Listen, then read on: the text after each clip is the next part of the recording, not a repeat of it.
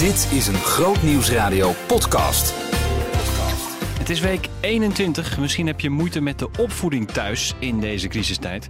Jurikje sprak met Yvonne Bijl, orthopedagoog. Verder was Hemelvaartsdag een dag van hemelse hoop. We delen verhalen van medewerkers en cliënten van Stichting De Hoop. En ik blik even met je vooruit naar de online Pinksterconferentie. Groot Nieuwsradio podcast. Met Maurits Reinoud. Welkom bij de wekelijkse podcast van Groot Nieuwsradio. Ik deel hier fragmenten uit onze uitzendingen die je door de week heen kon horen en niet gemist mag hebben. Je kunt deze podcast beluisteren via al onze kanalen. Via grootnieuwsradio.nl slash podcast kun je die vinden. En uh, Soundcloud, Spotify, iTunes, waar je ook maar wilt luisteren. Abonneer je ook even, want dan krijg je hem elke week automatisch. En misschien heb je de hele hemelvaartsdag de radio wel aangehad. Dat kan natuurlijk. Of je zat ergens met je blote voeten in het zand en een zonnebril op. En uh, alles wat je hoorde was een zacht briesje en de golven. Dat kan ook. Dan hoor je straks een verhaal van de hoop wat je niet gemist mag hebben. Um, maar eerst, opvoeden. Dat kan extra lastig zijn in deze tijd van op elkaars lip zitten. Hoe je dat doet, bespreekt Jorike met orthopedagoog Yvonne Bijl. Ja, Yvonne, laten we eens even lekker positief beginnen. Welke goede dingen brengt deze periode gezinnen? Nou, ik denk ook heel veel rust. Tijd met elkaar doorbrengen. Uh, je hebt geen clubjes meer, alles is afgelast. Dus ook s'avonds uh, zie je dat heel veel gezinnen ook met elkaar gaan wandelen of steppende kinderen. Het is gewoon echt gezinstijd zie je dat dat, ja, dat dat heel veel goeds brengt binnen de gezinnen. Merk je dat zelf ook? Uh, ja, sowieso. het, ja, wij zijn natuurlijk met een gezin van zeven, dus best wel vaak rennen, vliegen en taxiën en zo. En dat is dus helemaal niet meer. En dat geeft heel veel rust. Dus het maakt niet zo heel veel uit hoe laat je eet, want niemand hoeft meer weg. Ja, en, en, wat doet dat met het? Ja, gewoon veel relaxter. Je hoeft niet zo op de klok te kijken. En uh, ik denk gewoon een bepaalde rust. Of ja, het, ik weet niet. Het, het geeft overdag al een soort rust, omdat je weet dat je s'avonds niks hebt. En is daardoor iedereen wat uh, relaxter, gezelliger? Of? Ja, vind ik wel. En er wordt veel meer, um, tenminste bij ons dan veel meer gespeeld, echt met elkaar. Ook in de wijk. Je ziet veel meer, uh, omdat er minder afspraakjes denk ik worden gemaakt met kinderen. Mm -hmm. um, wat wel weer een beetje nu terugkomt. Maar over het algemeen zag je ook dat heel veel uh, verschillende leeftijden met elkaar buiten aan het spelen was. En dat was voorheen ook minder. Dus vond ik wel heel leuk om te zien. Hoor je al, hoor je al mensen die zeggen, ja, dit, dit, dit wil ik vasthouden? Jazeker. Ik heb al een aantal uh, moeders ook wel gehoord die zeiden van nou, dit wil ik me echt niet meer laten afpakken. En die ook wel een beetje bang zijn van oké, nu dus uh, twee, gemiddeld twee dagen moeten veel kinderen naar school van de basisschool. En uh, de pubers dan nog wel thuis. Maar echt dat mensen zeggen, dit, wil ik, dit heeft me ook zoveel gebracht. Nu is, komt het erop aan om het me niet te laten roven. En in welke dingen, in welke dingen zit dat dan, wat, wat men wil vasthouden? Um, toch ook wel uh, dat je minder afspraken hebt, minder um, sociale verplichtingen, hoor ik ook nog wel. En um, ja, gewoon minder dingen op je, je de agenda zijn gewoon een stuk leger. En denk je dat het ook gaat gebeuren, dat we echt iets vasthouden uit deze periode? Ja, ik hoop het natuurlijk wel, maar ik kan me ook voorstellen, want een heel aantal dingen als die weer gaan opstarten, ja, dan moet je ook gewoon weer aan voldoen. Al is het alleen maar aan zwemlessen of uh, muzieklessen. Uh, ja, als je dat daarvoor kiest, mm -hmm. dan ja, is inherent eraan dat je dus weer aan tijden moet gaan houden. En je kunt ergens zeggen, ja, in de zomervakantie maken we het eigenlijk toch ook altijd uh, mee dat de activiteiten stil liggen en we met z'n allen heel veel, heel veel thuis zijn. Klopt. En ik denk dat ook heel veel gezinnen tijdens zo'n zomervakantie denken van, oh, werken we hier het hele jaar voor? Ja. Het is toch eigenlijk een beetje zonde van onze tijd. Dus we gaan uh, het komende schooljaar gaan we het anders doen. We gaan echt letten op, uh, op onze agenda. En dan nou, rond december zie je vaak wel dat uh, mensen denken: oh help, dit is me toch niet helemaal gelukt. Maar goed, er zullen ongetwijfeld ook echt lessen uitgehaald worden die je gewoon echt weer kunt blijven toepassen. Want als je wel dat, dat voornemen dus hebt, hè, je denkt ik wil een paar van die, van die lessen dus meenemen. Of je, hoe, hoe kan je dat dan toch doen? Ik denk dat het heel belangrijk is dat je dus uh, met elkaar kunt terugkijken van wat vonden we nou heel erg fijn aan deze tijd. En uh, ik denk niet dat daar uh, één antwoord op is, dat dat dus per gezin verschillend is. Check gewoon bij je kinderen, ga gewoon met elkaar om de tafel van wat vonden we nou eigenlijk heel fijn. Nou, en ik weet nu al dat mijn kinderen denk ik gaan zeggen, jullie waren veel meer thuis. Oh ja. Snap je? Ja. Dus ik denk dat, uh, dat per gezin dat dus heel verschillend is, maar dat je dus echt wel kunt, uh, kunt terugkijken met elkaar. Wat, wat, wat vonden we nou heel erg goed werken? Dus dat kan ook op zondagmiddag dus uh, met elkaar een spel doen of met elkaar een stuk lopen na het eten. dat soort momenten. En dat jouw kinderen dus, hè, waar je van uitgaat dat ze zeggen, jullie waren zo veel, veel thuis. Is het dan ook iets wat je, dan, wat je dan serieus, uh, serieus neemt en denkt, oké, ik moet dus iets gaan veranderen? Ik denk het wel. En ik moet eerlijk zeggen, had ik voor die tijd ook al wel gedaan, dat ik s'avonds iets minder weg ben. Ik werkte ook nog wel eens in de avonden, want er was Casper thuis. En ik dacht dan van, ah, dan is uh, in ieder geval één thuis. En kinderen klagen niet heel snel. Maar nu merk je dat kinderen het dus toch heel fijn vinden. Ook al heb je soms het idee misschien als ouder van ik ben niet zo, nou, zo nodig, want ze Mhm. spelen buiten. En, maar dat je beschikbaar bent, uh, dat vinden heel veel kinderen dus toch heel fijn. Dat ze daar niet over hoeven na te denken. Nou ja, dus dat is wel iets wat jij misschien denkt Ja. van, oh ja, Ja, dat ik- gaat veranderen. Ja, dat hoop ik. Dat, dat wil ik wel proberen. Totdat misschien alles weer eh, gaat, eh, gaat Ja, starten. en, ja. eh, ja, maar dat, ik, ben, ik ben benieuwd inderdaad hoe dat gaat bij veel gezinnen. Ehm, waar ik verder als eerste heel benieuwd naar ben, is in hoeverre, ehm, hè, als we het even over, over, over de crisis nu hebben, in hoeverre is het handig of slim of juist nodig om kinderen heel erg te betrekken bij wat er nu in de wereld gebeurt? Hoe zie jij dat? Nou, ik denk dat het heel belangrijk is dat je kinderen eh, aanspreekt op het niveau dat bij ze past. Hè, wat, eh, het ene, en ook bij het karakter. Het ene kind kan bijvoorbeeld heel slecht tegen, eh, tegen moeilijke berichten. Of die, gaat er helemaal slecht van slapen. Dan moet je dus heel ja, gereserveerd zijn in wat je gaat vertellen. Ik zou gewoon heel erg kijken naar het gedrag van je kind. Van, ehm, nou inderdaad, als het kind eh, moeilijk gaat slapen, dat toch wel wat dingen uitleggen, maar zeker niet bang maken. En ik denk dat eh, juist in deze tijd het zo mooi is dat wij als christenen daar dus een tegengeluid kunnen geven van, eh, ja, maar wij, wat zegt de Heer Jezus eigenlijk in? Wij hoeven eigenlijk helemaal niet bang te zijn. En ik realiseer me wel dat dat verschillend is. Kijk, als er een oma bijvoorbeeld is overleden of op de intensive care ligt, of binnen je familiekringen, dan is dat, komt het heel dichtbij. En dan nog denk ik dat het eh, ja, zo heel mooi is dat je als gezin daar dus mee eh, ja, kunt gaan oefenen. Van oké, wat betekent dat dus? Waar, waar kunnen we onze rust daarin vinden? En ehm, kijk, kinderen stellen vaak ook wel vragen. Hè, over eh, kan ik het dan ook krijgen? Of eh, gaat die of die ook dood? Mhm. Ik zou daarin zo eerlijk mogelijk zijn. En, ehm, ehm, maar ze niet wijzer maken dan dat ze zijn. Ja, maar je hoort wel eens, hè, een, een, een kind vraagt net zoveel als het aan kan. Ja, dat, wordt, dat gebeurt denk ik ook vaak. En, ehm, en ik denk wat ook belangrijk is, soms zie je dat als kinderen juist naar bed worden gebracht, dat dan zeg maar eh, de vragen gaan komen. Dus dan kan je wel even opletten van, eh, oké, heeft het heel erg invloed op mijn kind? En dan kan je bijvoorbeeld zeggen, nou weet je, zullen we daar morgen even over verder praten? Dan kunnen we eens een keer een filmpje erover zoeken of zo. Want er worden ook echt wel in kindertaal leuke, leuke, Ja. hele leerzame filmpjes eh, gemaakt. En op die manier kan je dat ook, kun je dat ook doen. Maar hoe bepaal je dan ja, dat ze, je zegt, je moet ze niet wijzer maken dan dat ze zijn. Maar hoe, hoe, hoe, hoe bepaal je dat als ouder? Dat je denkt, oh, blijkbaar is dit nu wat ik kan vertellen en dit niet. Het lijkt me best lastig. Ehm, ja, ik denk dat het. Kijk, als ouder ken je natuurlijk je kind het best. Dus ehm, stel ook vragen terug. Van, goh, wat, wat, ja, het klinkt misschien heel cliché. En hè, doet de huisarts ook vaak. Wat denk je zelf? Maar dan kan je wel een kijkje krijgen in het, eh, in het brein van jouw kind. Waar jouw kind eh, bijvoorbeeld bang voor is. En dan kan het soms iets heel kleins zijn. Dat je kind zegt van. Ja, maar ik had daar de deurklink aangera- aangeraakt. Nu krijg ik zeker corona. Snap je? Dus een, Ah, ja. een kinderbrein. Het is denk ik heel belangrijk dat je daar een kijkje in gaat krijgen. Van ehm, ja, welke angsten leven er dan bij mijn kind? Want soms zijn die dus absoluut niet reëel. En dan kan je een kind juist geruststellen. Want is het, is het voor kinderen wel nuttig om iets te weten van wat er gebeurt en waarom er allerlei maatregelen zijn? Ik denk het wel. En ehm, wat je vaak ziet is dat kinderen ook wel filmpjes van school moeten kijken of het jeugdjournaal. En, en ja, je, ze weten er gewoon echt wel genoeg van. En ja, heel veel kinderen zeggen ook vaak van, maar dat was toch voor corona? Of als je, hè, mijn kinderen, we zaten pas in de auto en dan was het ook echt van, eh, nou die radio uit, nou weet ik het wel van corona. Dus dan is Oh, het ja. ook gewoon even genoeg. Ja. Dus daar, eh, ja, ik denk dat veel kinderen weten al heel veel. En, eh, maar ze kunnen het ook zo weer, ja, gewoon luchtig mee omgaan. En, ehm, nou ja, Want merk je dat kinderen ook wel echt bang van, van kunnen, echt bang van kunnen worden? Ja, ik denk dat als je kind ehm, normaliter bang is aangelegd, het dus ook hier banger van eh, kan worden. En, maar ik denk dat het eh, juist ook voor jou als ouder belangrijk is hoe jij ermee omgaat.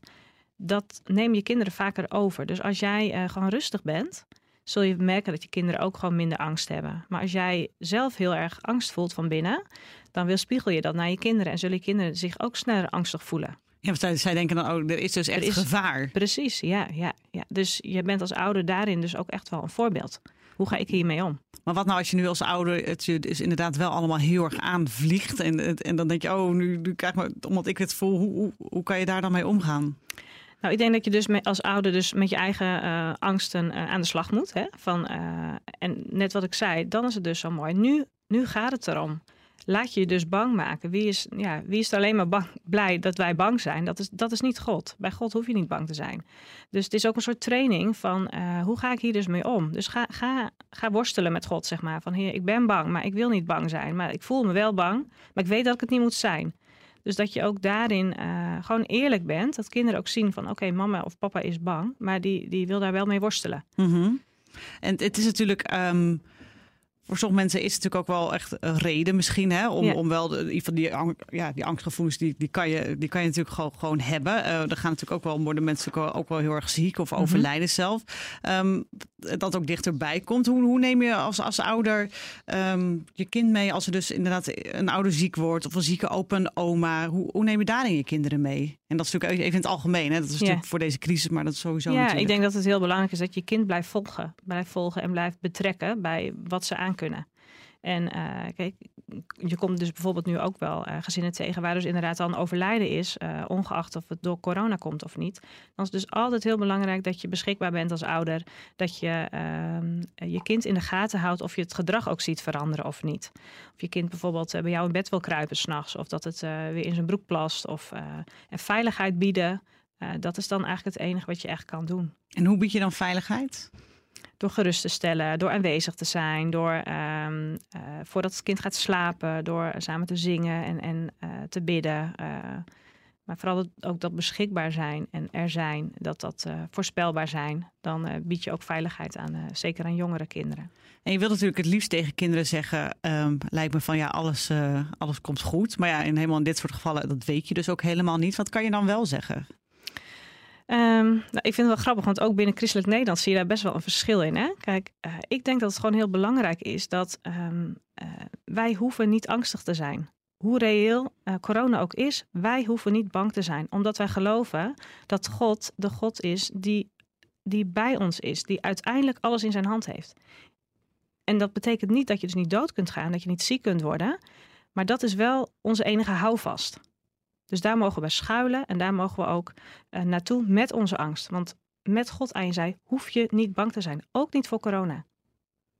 En dat is ook wat je dan je kinderen mee kan geven. Ja, dat denk ik wel. Juist uh, omdat kinderen het bij jou zoeken. Je bent een voorbeeld. Je, uh, ja, je, daarin kan je dus echt ook gebruik maken van, ja, van die, die, die zekerheid. Mhm. en, en los natuurlijk van die, uh, van die houvast, is het wel belangrijk om kinderen voor te bereiden op wat er eventueel kan komen. Hè? Dat er dus bijvoorbeeld iemand dood kan gaan. Uh, ja, kijk, uh, vaak het is wel belangrijk om dingen uit te leggen. Hè? Dat uh, bijvoorbeeld oma van 94 is een kwetsbare persoon. Dus daar moeten we rekening mee houden door afstand te houden. Dus dat leg je uit, omdat die, die mevrouw is al, oma is al 94. Of uh, iemand met een, bepaalde longafwijking. daar moeten we extra voorzichtig mee zijn. Dat is onze verantwoordelijkheid. Maar ook daarin uh, gewoon opletten dat hoe jij ermee omgaat, is altijd um, heel bepalend voor hoe je, wat je kinderen zien en horen. Mm -hmm. Dat is mhm. natuurlijk in allerlei dingen in de opvoeding zo, maar dus ook nu. Ja, maar, maar ook wel, ik wil ook nog wel echt van, oh ja, er kunnen mensen dus er kunnen eh, mensen doodgaan. Hoe dan ook kan je je, je, je oma eh, doodgaan. Dat je daar je kinderen ook gewoon ja, in meeneemt. In die realiteit eigenlijk. Ja, en wat ik het grappige vind, dat kinderen eh, spelen ook zo weer buiten en vragen: mag de donderdag het zwembad op? Weet je, dat, en als het moment er dan wel is dat ze erover vragen, dan ga je erop in. En dan zie je daarna dat kinderen ook zo weer doorgaan met leven. Kinderen kunnen heel erg gefaseerd in heel veel, uh, ja, van, van angst tot verdriet tot blijdschap. Dat gaat heel erg uh, wisselend, zeg maar vaak. Mhm. En dat zie je dus nu ook. En dat, dat, zij rela relativeren dus ook heel makkelijk.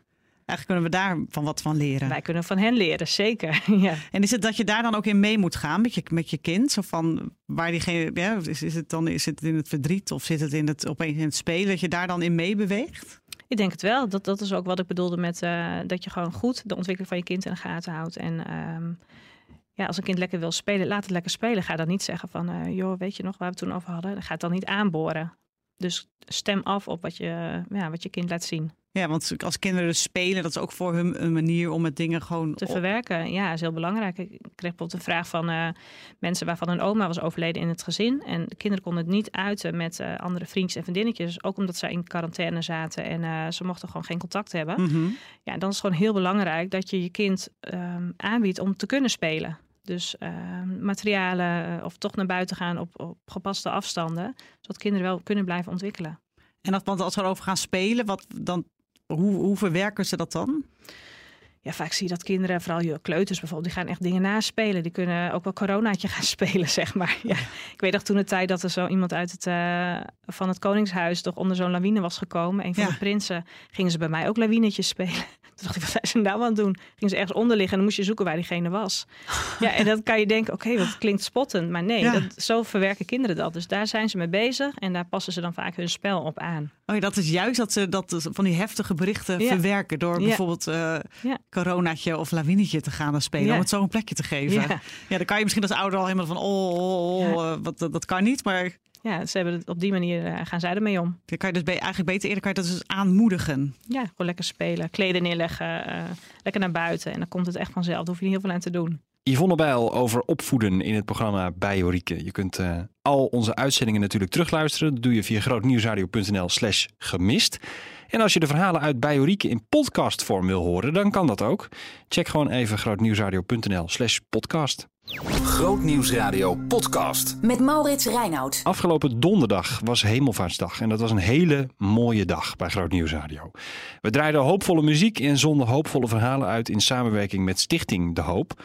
Een van die verhalen wil ik met je delen. Hi, ik ben Agnes van der Akker en ik uh, kom hier iets vertellen over mijn eigen leven.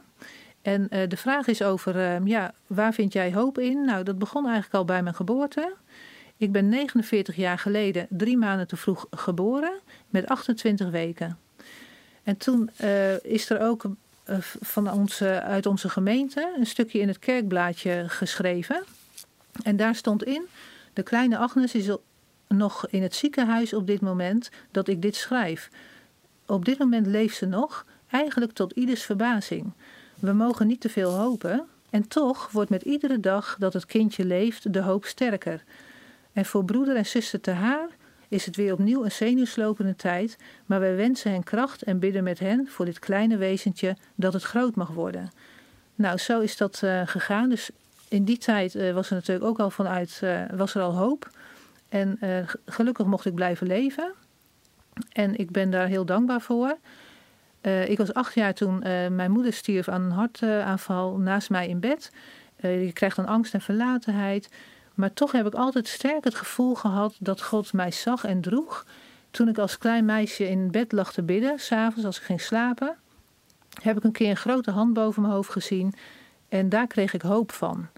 Uh, mijn vader uh, vond weer een uh, vrouw en hertrouwde een jaar later. We kregen een gemengd gezin. We gingen altijd op zondag naar de gereformeerde kerk. We lazen naar iedere maaltijd uit de Bijbel. En het was vooral heel traditiegetrouw. Maar helaas kwam er weinig gevoel en uitleg bij. Mijn vader was uiteraard veel aan het werk. Um, ik groeide op in de puberteit, was veel buitenshuis, voelde helaas geen genegenheid en warmte binnen het gezin. Nou, met 17 jaar ben ik uh, uit huis gegaan, onverwachts na een weekje logeren bij mijn 12 jaar oudere zus. En daar ben ik ook blijven wonen. Dus ik ben nooit meer teruggegaan naar het ouderlijk huis. En heb daarna ook 16 jaar geen contact gehad met mijn vader. Ik ben een nieuw leven op gaan bouwen op de nieuwe plaats waar ik woonde. Gaan studeren. Werk, helaas geen kerk. God die ging naar de achtergrond verdwijnen. Op mijn 23ste getrouwd. Uh, mijn 24ste uh, werden we, werd ik moeder van een zoon en Dennis. En op mijn 27ste van nog een zoon, Patrick. Uh, toen Patrick acht maanden oud was en de oudste drie, uh, vertelde mijn echtgenoot dat hij ehm, ja, verliefd was op een andere vrouw. En dat hij naar het andere gezin toe ging. En hij kreeg ook binnen korte tijd nog een dochter. Um, nou, ondanks dat ik mij heel erg schaamde dat dit allemaal gebeurd was, heb ik mijn schouders gerecht en ben verder gaan studeren en gaan werken. een buurvrouw van mij, die ging naar een baptistengemeente en nam mij mee daar, naartoe. Uiteindelijk heb ik een Alpha-cursus gevolgd. En in het Alpha-weekend heb ik gehoord over de Vader, Zoon en Heilige Geest. En in dat weekend heb ik ook echt een persoonlijke aanraking gehad met de Heilige Geest. En heb mijn leven bewust in handen van de Heer gelegd. Daardoor kreeg ik weer nieuwe hoop. De Heer herstelt ook familiebanden. Iets wat ondenkbaar was. Na 16 jaar geen contact met vader te hebben gehad, is er gelukkig weer hersteld. We hebben niet lang van elkaar kunnen genieten, want mijn vader overleed na korte tijd. Ik ben twaalf jaar lang alleenstaand moeder geweest. De Heer heeft me altijd geholpen om het geloof ook voor te leven, dus praktisch. En ja, dat had ik uit mezelf niet gekund. Dat is echt wijsheid en inzicht die ik heb gekregen. ik leefde ook op minima-niveau. Maar de Heer heeft mij ook altijd de juiste mensen op mijn pad gebracht en praktisch geholpen.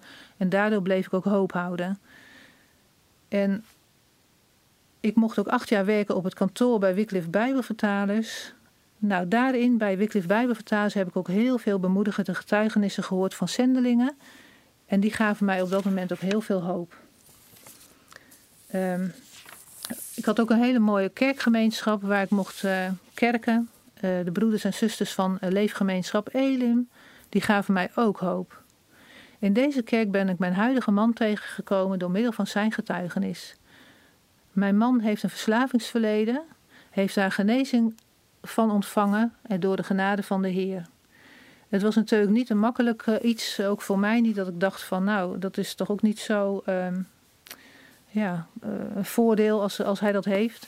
Maar eh, we zijn al jaren als vrienden met elkaar opgetrokken en hebben drie jaar verkering gehad en daarna zijn we getrouwd. Mijn man werkte bij De Hoop en daardoor zijn we verhuisd naar Dordrecht, waar ik eh, ook een baan heb gekregen bij De Hoop. Jaren mocht ik bij de receptie werken en daar heb ik heel veel gebroken mensen gezien, uh, zien binnenkomen, maar ook gelukkig heel veel mensen zien herstellen en weer hoop zien krijgen. 1 juli zijn Wout en ik tien jaar getrouwd en we zijn ontzettend dankbaar voor ons gezin dat ons uh, gezin in herstel is gekomen. En ja, dat, uh, dankbaar dat de Heer ons dit heeft gegeven. En onze trouwtekst was ook Psalm 32, vers 8. Ik leer en onderwijs u aangaande de weg die gij gaan moet. Ik raad u, mijn oog is op u. Dit is het verhaal van Agnes van den Akker. Uh, Nando die sprak ook nog even met haar door over hoe ze over die hoop kan getuigen. Wat bijzonder, Agnes, dat je jouw getuigenis deelt. Uh, zoveel, zo ongelooflijk veel gebeurt. En dan getuig je van hoop. Ja. Hoe, hoe is dat? Om dat dan zo samen te vatten en tot die conclusie te komen? Dat de Heer er altijd bij is geweest. Ondanks dat het echt moeilijke periodes zijn geweest. En dat ik uh, daardoor ook uh, ja, hoop krijg iedere dag opnieuw. En dat ik het ook echt per dag bekijk. Dat ik per dag weer ja, de hoop krijg van de Heer. Mooi dat Agnes dat mooie, hoopvolle verhaal met ons wilde delen, maar zeker ook met jou als luisteraar. Afgelopen donderdag op Hemelvaartsdag. Hemelse hoop bij Groot Nieuwsradio. Komende week op Groot Nieuwsradio. Komende week bij Groot Nieuwsradio natuurlijk een, uh, ja, een week zoals alle weken. Maar op vrijdag is het een hele andere dag. Want dan zenden we de opwekking top 100 uit. En vanaf de avond eigenlijk gaan we naar de online Pinksterconferentie. Die zit bomvol hele mooie diensten die we echt graag met je willen delen. Uh, de bekende sprekers komen langs die je altijd op de Pinksterconferentie wel hoort. Uh, verder uh, veel seminars die je misschien ook in deze tijd speciaal wil helpen om je geloof vorm te geven of te zorgen voor de mensen om je heen. Of, of nieuwe nou ja, uh, visie te krijgen op bijvoorbeeld Israël. Daar gaan we het over hebben. Uh, je liefdesleven, daar gaat het ook over in de seminars. Verder heel veel optredens. We gaan spelletjes spelen. Kortom, het wordt één groot feest. Dat uh, Pinksterweekend bij Groot Nieuwsradio. Je kunt het, het hele weekend volgen. En alle informatie daarover vind je op grootnieuwsradio.nl slash Pinksteren. Um, dus ik zou zeggen, spoed je naar die website, dan kun je al een beetje um, een voorpet krijgen, zeg maar, voor de Pinksterconferentie. Ik spreek je volgende week weer. Behoefte aan meer? Grootnieuwsradio.nl slash podcast.